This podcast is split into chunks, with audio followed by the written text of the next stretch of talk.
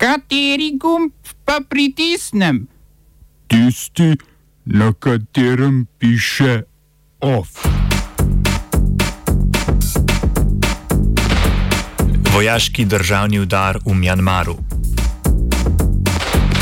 Indijski predsednik vlade Narendra Modi komentiral proteste kmetov. Množične aretacije ruskih udeležencev shoda v podporo Navalnemu. Sodišče odločilo uprit nigerijskim kmetom glede naftnih razliti. V več slovenskih mestih shodi proti zaprtju šol.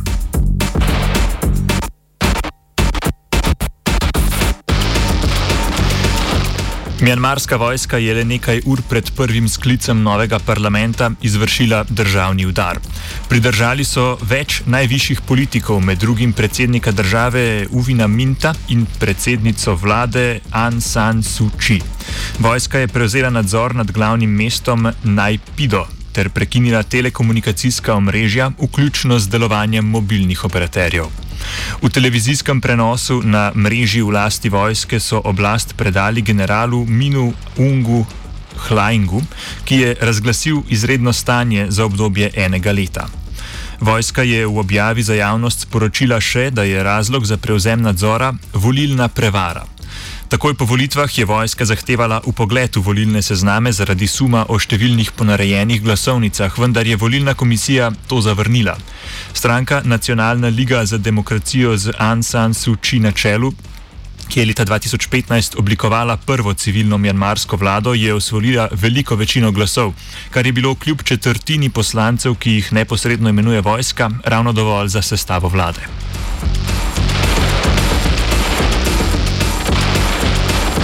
Napadi talibanskih upornikov se v Kabulu, glavnem mestu Afganistana, izrazito povečujejo. Vse več je napadov na vladne uradnike, predstavnike civilno-družbenih organizacij in novinarje, poroča ameriški posebni generalni inšpektor za obnovo Afganistana, tako imenovani SIGAR. Poročilo prihaja ravno v času, ko bo ameriški predsednik Joe Biden znova evalviral mirovni dogovor med ZDA in talibani, ki je bil podpisan pred slabim letom v času predsedovanja Donalda Trumpa. ZDA, glavne podpornice afganistanske vlade pri boju proti talibanom, letno namenijo približno 3 milijarde evrov za pomoč afganistanskim varnostnim silam. Po besedah predstavnika Pentagona Johna Kirbyja naj bi ZDA ostale pri nameri umika čet, vendar le, če bodo talibani zmanjšali nasilje in prekinili povezave z Al-Kaido. Drugi del sporazuma je bil tudi dokončen umik ameriških vojakov iz Pentagona. Iz Afganistana, seveda.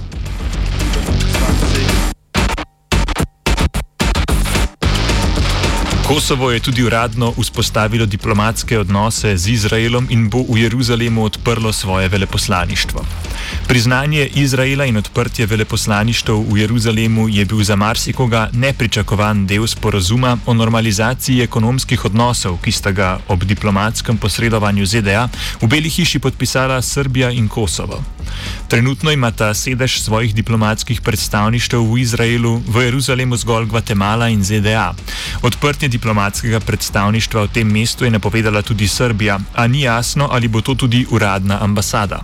Srpski predsednik Aleksandar Vučić je namreč po podpisu sporazuma povedal, da Srbija pričakuje, da Izrael ne bo priznal neodvisnosti Kosova.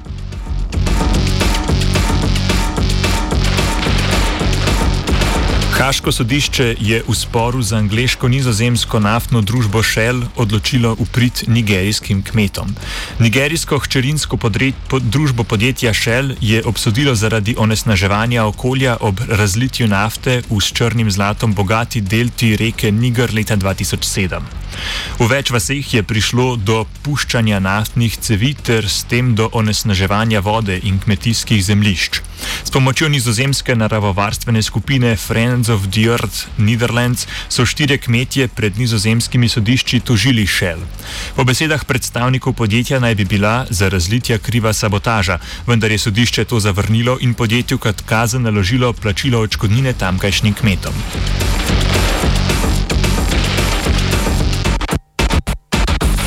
Indijski predsednik vlade Narendra Modi je prvič komentiral že več mesecev trajajoče proteste indijskih kmetovalcev.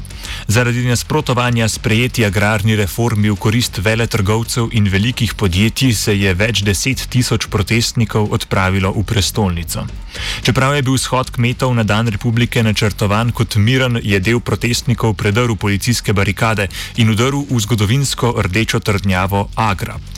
Modi je v radijskem prenosu izrazil užaloščenost države ob domnevni zamenjavi indijske zastave, ki je izobešena na trdnjavi. Modi prav tako ne odstopa od svojih neoliberalnih reform v kmetijstvu, ampak ponuja zamrznitev spornih zakonov za leto in pol.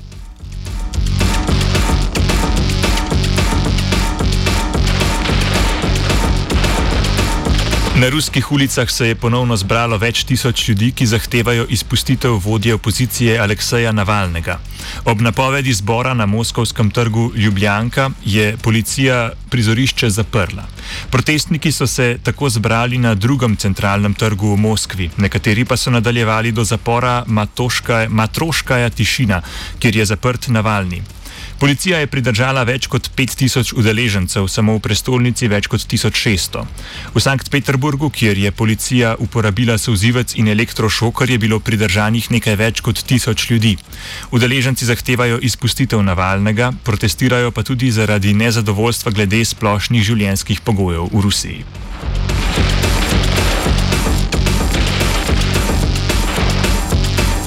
Hrvaška policija je zaustavila štiri evropske poslance, člane demokratske stranke, na hrvaško-bosanski meji, ki so želeli preveriti poročila nevladnih organizacij in medijev o nečloveškem ravnanju z begunci in neutemeljenimi zavrnitvami leteh. Kljub najavi delegacije o prihodu so jim policisti fizično preprečili ogled kontrolne točke, ki leži v gozdu. Med poslanci je bil tudi podpredsednik Evropske komisije za človekove pravice Petro Bartolo. Po besedah hrvaškega notranjega ministra Davora Božinoviča je bil obisk ena v vrsti provokacij, usmerjeni proti hrvaški policiji. Incident sta ostro obsodila predsednika Evropskega parlamenta David Sasli ter sekretar demokratske stranke Nikola Cingareti. Ovo ću, bom odgovoril na angliški. Slovenija will try to help. We can. Slovenija will. Uh, and we will. Do our utmost. To say that the situation is. Our problem ourselves. And uh, we will. Uh, make further steps as soon as the conditions are. Bomo vlado Marjana Cererera Šarca podprli. Very, very serious news from Slovenia. We know how and we will.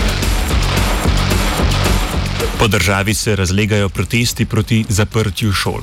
Na sobotnem shodu v Trbovljah, ki je štel več kot 200 ljudi, so se zbrali posamezniki in družine z otroki, ki so zahtevali odprtje šol.